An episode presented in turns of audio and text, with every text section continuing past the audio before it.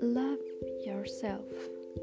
Until a few days ago, I was completely empty on the inside. I swear, all these people not loving me was eating away at me. Sorry, I shall start from the beginning. I was taken away from my mom was six because all my mom cared about was drugs and alcohol. I don't remember much, just that she never fed me, so I had to find my own food, and if I did something wrong, she would hit me. Most of the time, she didn't even know I was there. I know I wasn't loved. That's when I started feeling the pain of my insides being eaten away and the loneliness. Then I came here. For six years, they put me in and out of foster homes, each time feeling that pain inside me. Most nights, I would cry myself to sleep thinking, Why is it me? What's wrong with me? Why can't I be like one of those kids that I see in the streets holding their mom's hand, walking with their family, where they are loved?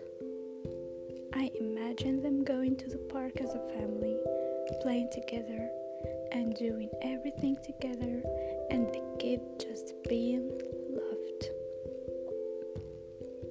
When I when I wasn't in a foster home, I was at that stupid orphanage. Everything's so dull. All the halls are empty, every room empty because all the kids got taken away and became loved, but not me. I'm just like a speck of dust on the floor in this huge place. Last week, something incredible happened that changed my life forever. I was sent out to get food for lunch, about six years old crossing a railway track when he got his foot stuck. I ran over to help him.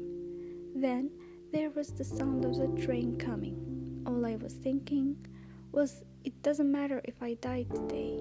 It's not like anyone loves me anyway. However, this boy was loved. He had to be saved. Out right at the last second. The mother was so thankful. She just kept on saying, You're, you're so brave. You saved my son's life. That night, it made me think that I shouldn't live my life hating myself.